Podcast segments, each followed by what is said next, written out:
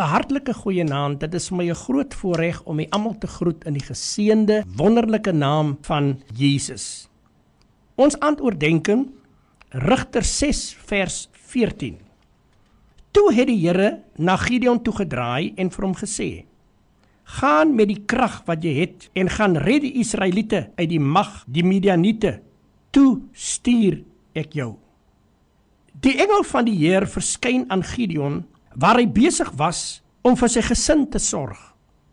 En die Here stel hom aan om die volk Israel van die vyand te verlos. Uit hierdie gesprek tussen Gideon en die engel blyk sewe eienskappe van 'n leier en dienaar. En dit is dat hy eers seker maak dis die Here se wil dat hy die volk moet lei.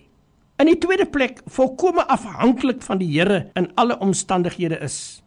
Gewillig is om geloof in aksie te plaas gewillig is om die gawe wat die Here hom gee in diens van die volk te gebruik. Aan die Heer alle eer te gee. Aan die ander die eer gee wat hulle eintlik toekom.